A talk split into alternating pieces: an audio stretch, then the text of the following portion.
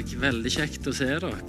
Jeg kjente det allerede da jeg kom inn her, at det var lenge siden. og Kjekt å hilse på, på folk som jeg ikke har hilst på på lenge. Og nå har det kommet enda flere. Veldig kjekt å se dere alle sammen. Um, jeg har lyst til at vi skal be litt.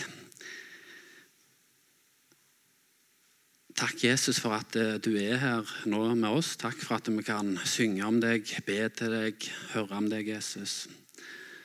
Eh, kan du komme her nå og være med og åpne opp ditt ord, åpne opp hjertene våre? Kan du komme her med Din hellige ånd eh, og overbevise?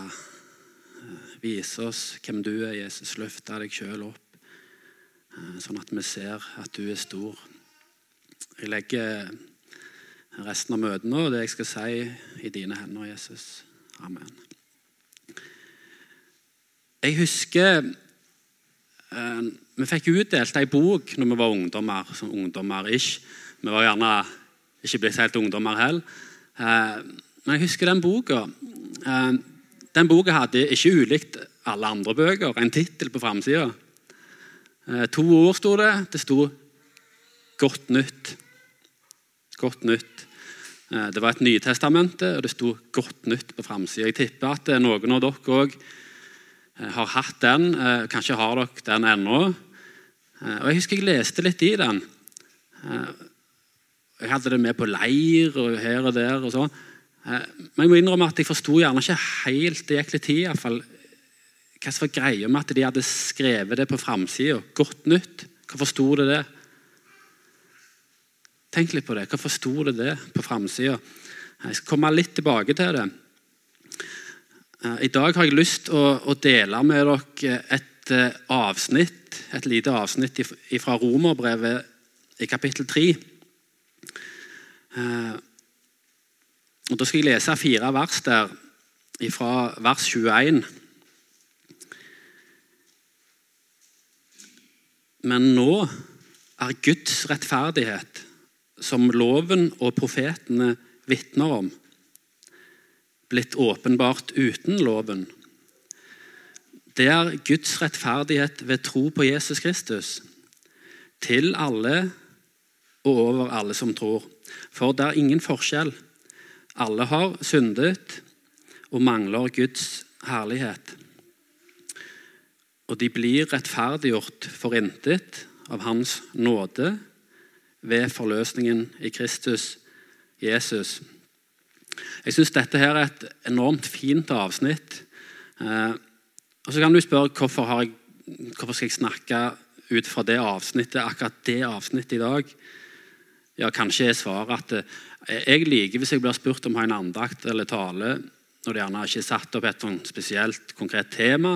Da liker jeg å ta og dele noe fra Bibelen der jeg har vært i det siste sjøl i Bibelen. Og I det siste har jeg vært en del i romerbrevet, og derfor har jeg lyst til å dele det videre med dere. Jeg syns romerbrevet er en fantastisk plass å være. Eh, så jeg har lyst til å si det Hvis det skulle være noen som aldri har lest gjennom romerbrevet, så les gjennom det. Eh, og, og, og, hvis du har lest det mange ganger før, les det, les det igjen. Les det gjerne i sammenheng, gjerne ikke bare ett vers her og der men i sammenheng og se, se, hva som står der. Fyll deg med det. Det er en fantastisk plass å være. Eh, men hvorfor akkurat disse her versene her? da? Vi kunne jo vi kunne kanskje tatt utgangspunkt i noen andre vers òg i romerbrevet. Eh, for at romerbrevet har en sånn enorm indre sammenheng i seg. Eh, vi ser at det henger sånn i sammen, alt det som blir sagt i dette brevet. Og altså her, da, i kapittel 3 og fra vers 21 Guds rettferdighet. Guds rettferdighet. Den er åpenbart uten loven, står det. Loven og profetene vitner om dette her. Og denne her, Guds rettferdighet, den får vi ved trua på Jesus. Hva er det som menes med alt dette her? Guds rettferdighet. Hva er det for noe?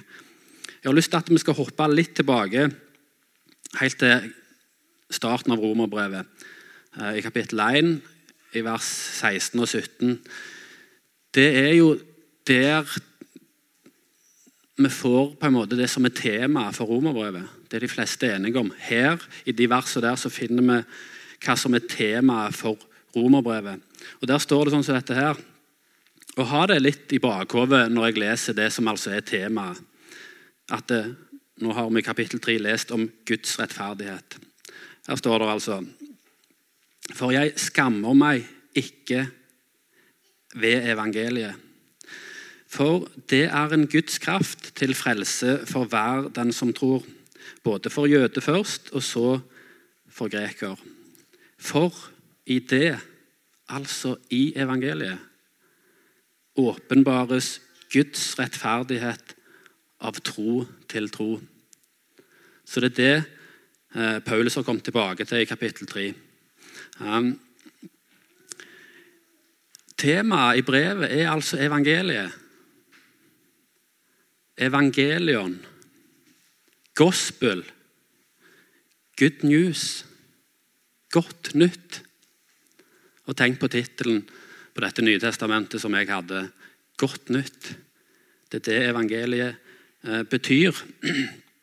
Men er det, er det, et godt nytt, dette her da? Er det et godt budskap, dette her som Paulus kommer med? For at det, Romerbrevet er jo et elska brev. Men det er òg et hata brev. Det har det vært opp gjennom tidene, og det er det eh, den dag i dag. Det er både elska og det hata, dette budskapet. Um, hvis vi har lest litt i aviser gjerne de siste årene, så har vi gjerne hørt at det, det er ikke alle som tenker at dette høres ut som et godt budskap. Uh, dette her høres ikke ut som et godt budskap, får vi gjerne høre. Um, men det er altså det Paulus prøver å si. Dette er evangeliet, uh, og i evangeliet så blir Guds rettferdighet åpenbart. Guds rettferdighet av tro. Så, det, så Nesten som Paulus prøver å si at ok, nå har jeg, nå har jeg liksom sagt i temaet her Dette temaet. Han sier jo ikke det, dette er temakolon, sånn, men vi tenker jo at det, ja, det, dette er temaet. Eh, nå har jeg sagt det, men før jeg begynner å pakke ut på en måte hva som er evangeliet, så har jeg lyst bare å si litt om hva som er de dårlige nyhetene først. Før jeg pakker ut hva som er de gode nyhetene, så må jeg si litt om hva som er de dårlige nyhetene. Hva som er på en måte bad news, eh, hvis vi kan si det sånn. Eh, og Så bruker han ganske mye plass på det. da. Med en gang, rett etter han har vært i dette temaet, så fortsetter han med dette her ut gjennom helt til han kommer til den teksten vi starta eh, med å lese i sammen i dag. Eh, og Hva er det han sier der? Hvis jeg får si det litt kort før jeg sier litt mer om det, så er det iallfall at Gud han er rettferdig.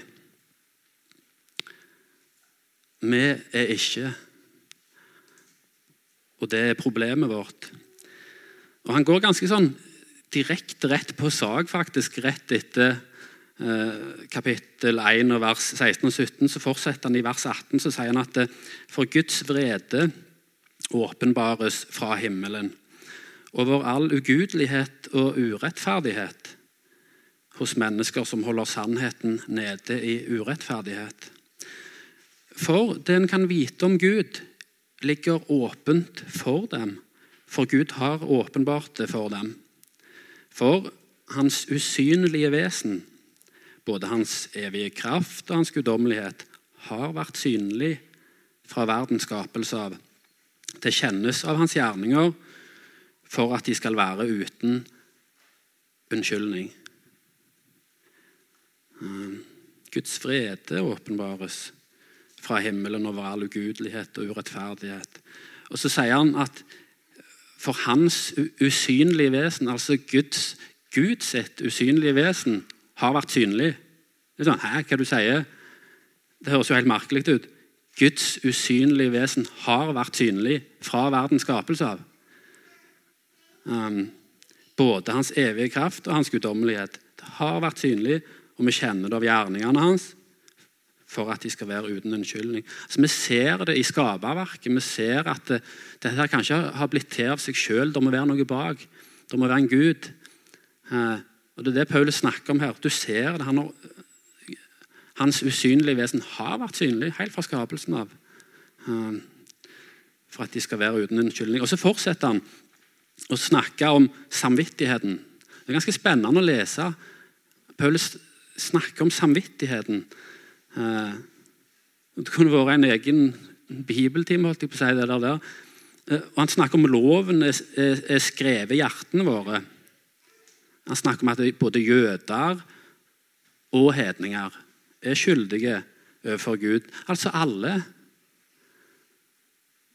Vi som sitter her i dag òg, vi er skyldige overfor Gud. Det er det Paulus sier. Og, så, og når vi har kommet til kapittel 3, rett før vi, ja, når vi nærmer oss de versene vi starta med i dag, så sier, så sier han sånn som dette her. Som det står skrevet dette er i, i kapittel 3, vers 10. Som det står skrevet Det er ikke én rettferdig, ikke en eneste. Det er ikke én som er forstandig. Det er ikke én som søker Gud. Alle er veket av. Alle sammen har blitt udugelige. Det er ikke noen som gjør det gode. Ikke en eneste. Og så er det nesten som hva tenker vi når vi leser de versene der? Det er nesten som, som gjerne i vår tid, der vi skal heie på hverandre, heie hverandre fram, framelske det positive osv. Så, videre. så det er nesten som vi kjenner at vi vil åpne munnen og ta til motmæle mot dette her. Det kan ikke stemme, Paulus. Det kan ikke være sånn som dette her. Det kan ikke være så gale. Og Jeg har lyst til å si til meg sjøl og si til deg ikke gjør det. Ikke gjør det. Det er mange som gjør det. Kanskje ikke sånn fysisk med at munnen blir åpna, nødvendigvis. Kanskje mer i det stille inni seg. Du leser gjerne i Bibelen, eller du er på et møte og hører et eller annet. Um, og Så blir det på en måte en sånn stille protest inni deg. Ja, ja, dette her kan jeg ikke gå med på. Dette her glatter jeg litt Jeg får høre på noe annet. Det kommer sikkert noe bedre lenger nede eller en annen plass i Bibelen. Eh, og så er det på en måte det du gjør, du åpner munnen og, og sier imot dette. Noen gjør det mer sånn eh, bokstavelig. Åpner, åpner munnen forsiktig, ser gjerne litt ned i bakken og vrir seg litt i stolen. jeg kan ikke være sånn. Noen tar faktisk og åpner munnen og skriker ut imot dette. her. Dette er ikke sant. Dette her er ikke Guds ord. Dette her er feil. Paulus, du har feil. Eh, vi har rett til å bestemme sjøl over livet eh, livene våre. Vi har rett til å bestemme sjøl og ta de valgene vi sjøl vil. Ingen skal komme her eh, og si noe til meg om det. Eh, og Dessuten så er jo dette bare Paulus som sier dette. her. Han var en mann av sin tid som ikke visste bedre. Eh, men jeg har lyst til å si Paulus var ikke bare en mann. Jo, han var en mann, men, men han var en apostel. Sånn at eh, Bibelen har en sånn Ehm, Bibelen har en sånn indre selvvitnesbyrd som hevder at dette her er Guds ord. Eh, og når Jesus sendte ut de 70, så sa han jo det. Eh, den som hører dere, hører meg. Og den som forkaster dere, forkaster meg. Og den som forkaster meg, forkaster han som har sendt meg. Så jeg har lyst til å si det igjen til meg sjøl. Jeg prøver å si det til meg sjøl, jeg har lyst til å si det til deg òg. Ikke åpne munnen og ta til motmæle mot Gud. Hensikten med loven er faktisk det stikk motsatte. Det står i romerbrevet hva som er hensikten med dette her budskapet. og Det er at hver munn skal ikke åpnes, men lukkes. Og hele verden blir skyldig for Gud. Og Det er jo det òg som ligger i det der bibelske begrepet eh, å bekjenne. Det betyr faktisk å si det samme som. Å si det samme som Gud. Du har rett. Du har rett, Gud. Ehm, for hvorfor skal vi trenge evangeliet hvis vi er uten skyld? Hvorfor skal vi trenge å bli rettferdiggjort hvis vi allerede er rettferdige i oss sjøl? Blir ikke det meningsløst å snakke om å bli rettferdiggjort hvis vi allerede er rettferdige i oss sjøl? Blir det ikke meningsløst å snakke om tilgivelse hvis, vi, hvis det ikke er noe som vi trenger å få tilgivelse for? Eller blir det ikke meningsløst å snakke om nåde hvis vi ikke trenger nåde?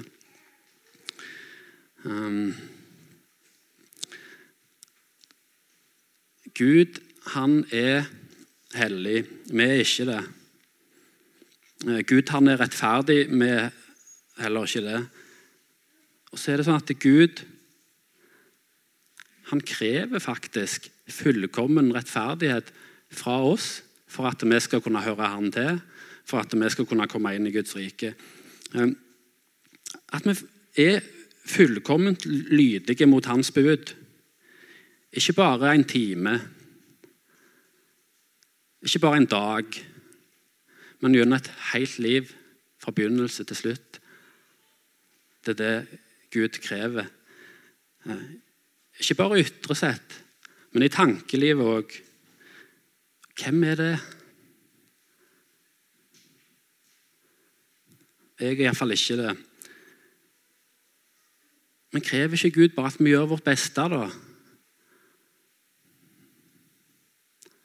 Nei, Gud krever ikke at vi gjør vårt beste bare. Han krever mye mer enn det. Han krever faktisk en fullkommen rettferdighet fra meg og fra deg. Ja, er ikke dette bare liksom Paulus-greier, da?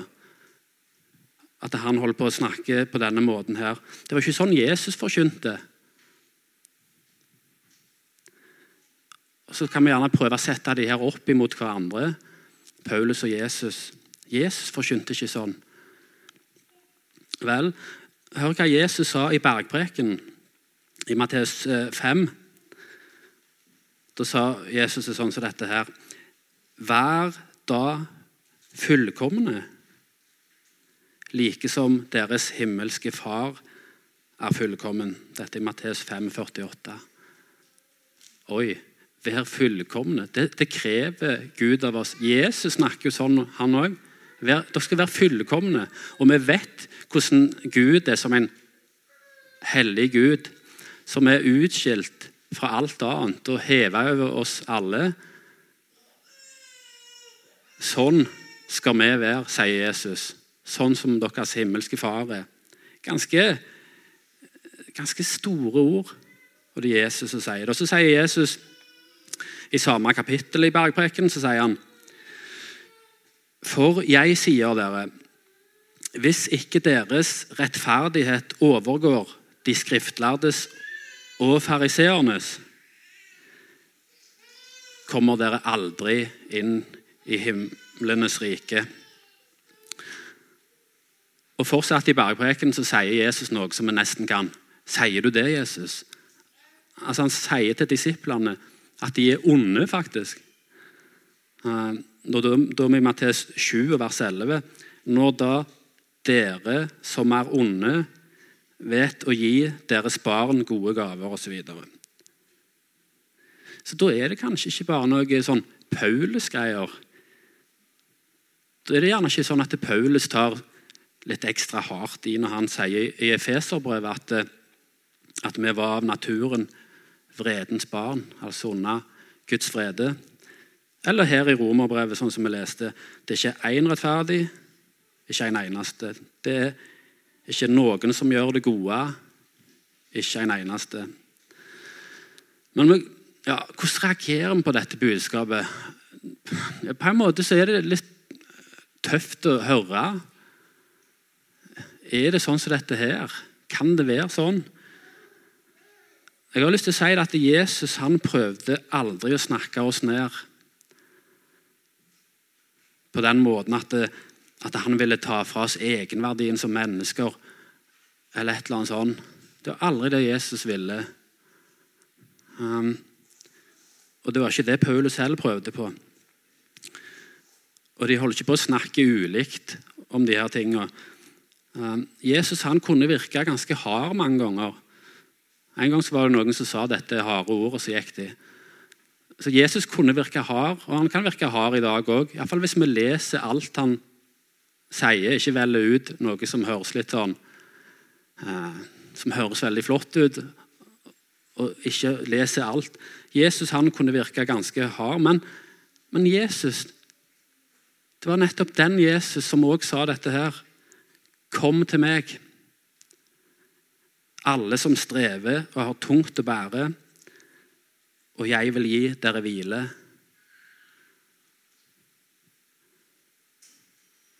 Det var det Jesus ville. Og Paulus,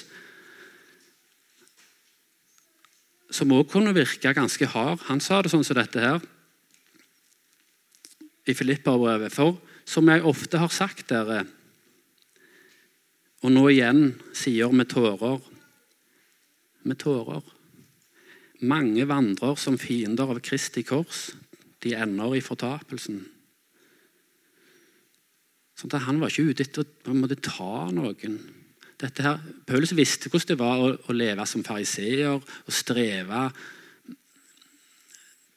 på egen hånd uten Jesus. Han visste hva det var. Og Så hadde han møtt Jesus, og så hadde livet tok en helt ny vending. Han hadde forfulgt kristne. Nå var, en, nå var han blitt en som bare ofra omtrent alt for å komme ut med dette budskapet. For det hadde blitt så stort for han.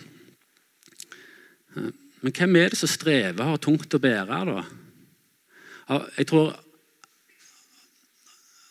Av og til så lager vi gjerne sånne kategorier. ja, På Jesus' i tid så var det de og de som strevde, hadde tungt å bære. og nå I dag i vår tid så er det den gruppa eller ja, noen. Men strever vi ikke alle på sett og vis? Og har tungt å bære. Noen selvfølgelig mer enn andre. Og noen mindre enn andre. Noen ganger kommer det i bolker i livet. Men det er ingen som bare har det helt fantastisk hele tida. Jeg har i hvert fall ikke møtt noen ennå sjøl. Det kan gjerne virke sånn på utsida, men det er jo ingen som har det sånn. Eh, og Jesus sier, 'Kom til meg, alle som strever og har tungt å bære, og så vil jeg gi dere hvile.' Og Den hvilen som Jesus har å gi, den er det ingen andre som kan gi. Eh, og Når vi ser da at det faktisk både i romerbrevet og hvordan Jesus også snakker i bergpreken osv. At Gud faktisk krever ikke bare at vi gjør vårt beste, som, som, som vi gjerne kan høre av og til, og som vi gjerne syns høres bra sagt ut. Men hvis vi tenker oss om, så er det ikke sånn. Eh, vi vet at Gud han krever fullkommenhet, fullkommen rettferdighet. Og vi er ufullkomne sjøl, vi er urettferdige. Da blir det enormt stort å se når vi kommer til den teksten som vi starta med å lese i dag, og som, som Paulus allerede i temaet i brevet hadde antydet at dette, dette er det det handler om. Guds rettferdighet som blir åpenbart i evangeliet. Men nå er Guds rettferdighet, som loven og profetene vitner om, blitt åpenbart uten loven. Det er Guds rettferdighet ved tro på Jesus Kristus til alle og over alle som tror. For det er ingen forskjell. Alle har syndet og mangler Guds herlighet. Og de blir rettferdiggjort for intet av Hans nåde ved forløsningen i Kristus Jesus. Så hva vil det si da å bli rettferdiggjort? Jo, det er jo at eh, du og jeg som er urettferdige i oss sjøl, blir erklært for å være rettferdige. Det er ikke at vi blir det i oss sjøl, men vi blir erklært fra Gud å være rettferdige. Min synd blir tilregna Jesus. Og hans Jesus sin rettferdighet blir tilregna meg. Det, ser vi enda mer hvis vi går over i kapittel 4. Det skal vi ikke gjøre i dag. Det er fantastisk å lese. Det er det det handler om. Det handler om å bli tilregna. Imputation snakker de om på engelsk. Eller ja, andre språk òg. Men å bli tilregna Min synd blir tilregna Jesus og hans perfekte lydighet under loven, for det var han. Den blir tilregna meg, sånn at Jesus sitt liv, hans rettferdighet, blir tilregna meg. Det kan ikke bli større enn det der. Uh, an alien righteousness. Det, det, noe, det, handler ikke om romvesenrettferdighet eller noe sånt. Men vi har et uttrykk på norsk òg, en fremmed rettferdighet. Hva er det? Jo, det er bare det at det er ikke min egen rettferdighet, men det er en annen sin. Noe utenfor meg sjøl. Og det er Jesus sin. Den blir tilregna meg.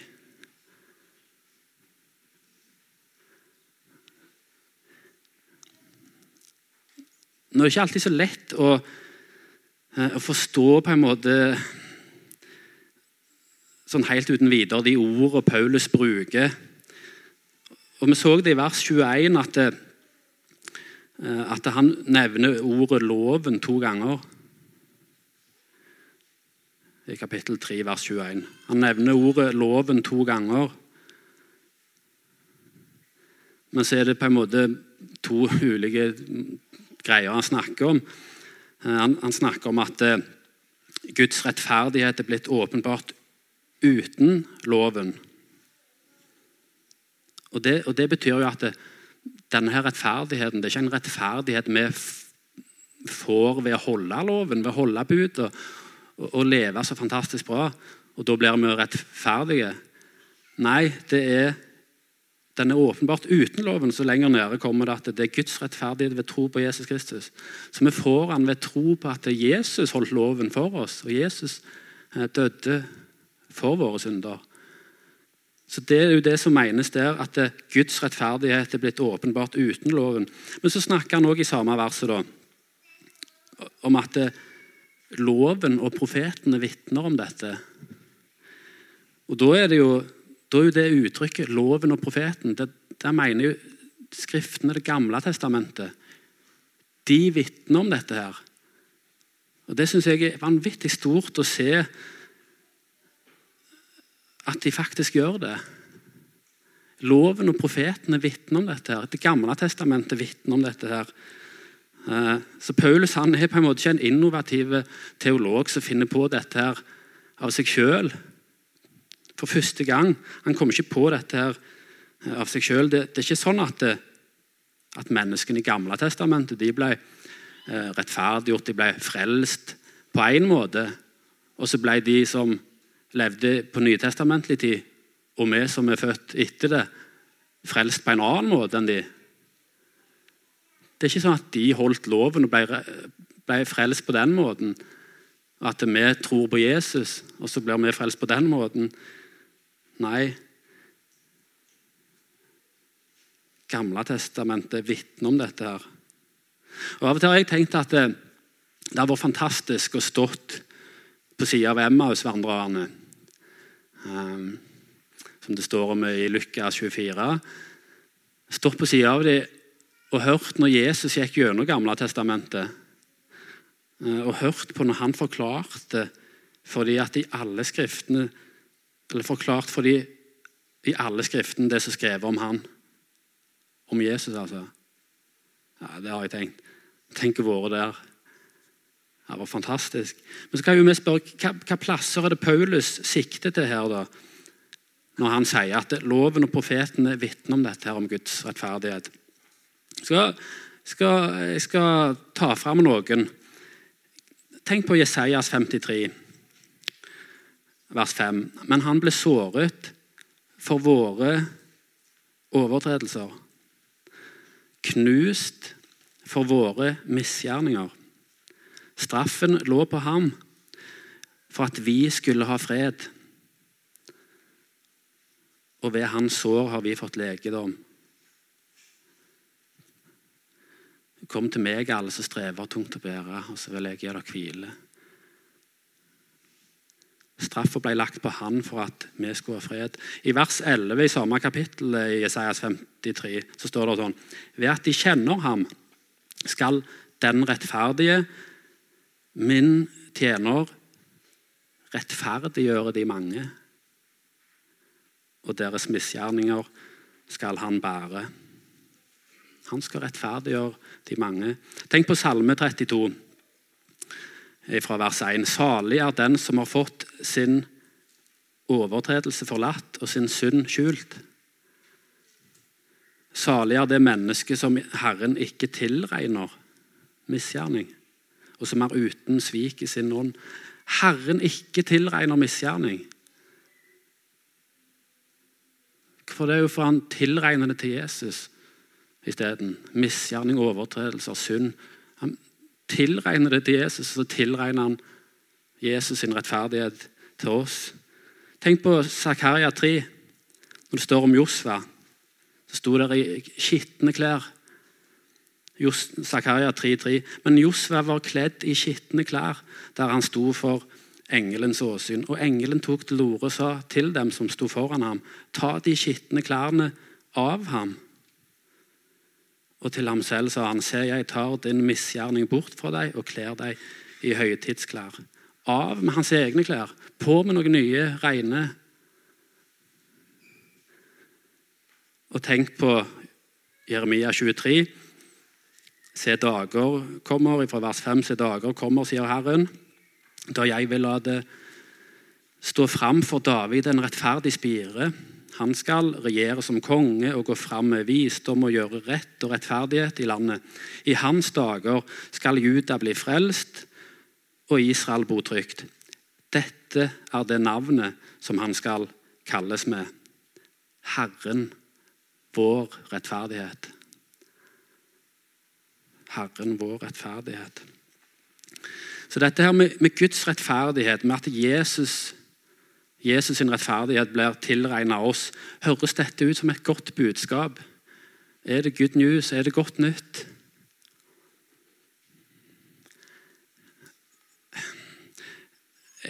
Jeg tror gjerne at det er grunnen til at noen tenker at dette ikke høres ut som et godt budskap. Jeg vet jo ikke, men jeg har tenkt litt på det. Kan det ha noe med at, at underforstått så ligger det noe i dette her om at hvis vi skal bli rettferdiggjort og få, få Guds rettferdighet tilregna oss, få Jesus' sin rettferdighet tilregna oss At vår egen rettferdighet er ikke god nok. Vi er ikke rettferdige i oss sjøl. Ingen skal komme og korrigere meg. Ingen skal si hva som er galt med meg. Jeg skal bestemme det sjøl. Og hvis Gud gjør det, ja, for han skal ikke heller kunne gjøre det. Og hvis han gjør det, ja, da er ikke det en sånn en Gud jeg kan tro på. For dette høres ikke ut som gode nyheter. Dette høres ut som en blodtørstig Gud som krever rettferdighet fra oss. Og hvis vi ikke har det, så, så må han straffe oss. Men greia her er jo at det, denne rettferdigheten som Gud, og fullkommenheten som Gud krever av oss, den gir han oss faktisk. I kjærlighet.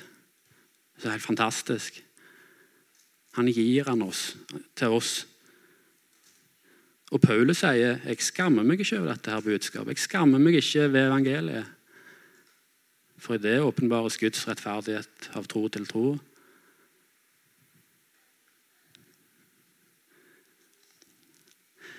Til slutt har jeg lyst til å si, si til deg som kanskje går med en sånn uggen følelse og, og, og, og tenker gjerne er jeg egentlig en kristen.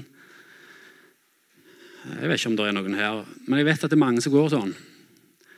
Um, da har jeg lyst til å si det at uh, Jesus sin rettferdighet, hvis den er din, at da er alt Da er alt i orden. Da er det ingen grunn til å gå sånn som det der. Hvis Jesus sin rettferdighet er din. Og Du har kanskje tenkt sånn at tenk hvis mitt liv var plettfritt. Helt fra start og helt fram til nå. Uh, ingenting galt. Ikke i tankelivet engang. Alt var bare på stell. Alt var godt. Alt jeg hadde gjort, var godt. Bare godt. Hva hadde vi tenkt da? For er det ikke det på en måte som gjerne kan uh, plage oss på et vis? At det, uh, vi strekker ikke helt til. Jesus hadde en fullkommen lydighet mot loven.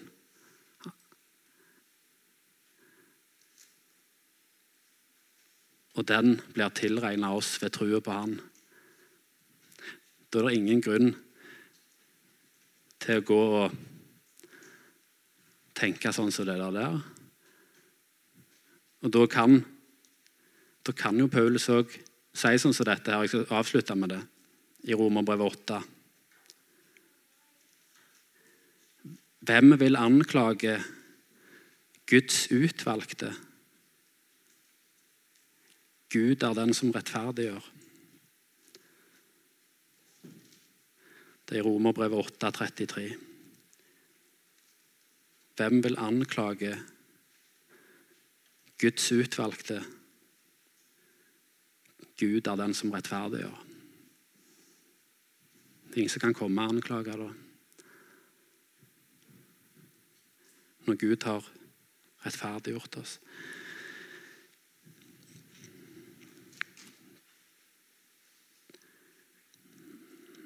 Takk, Jesus, for at, eh, at du kom og ga ditt liv for oss. Takk for at du bar våre synder på deg opp på korset og betalte. Og takk for at du levde et fullkomment, rettferdig liv. At alt dette her blir tilregnet oss ved tro. Takk for at alt er i orden.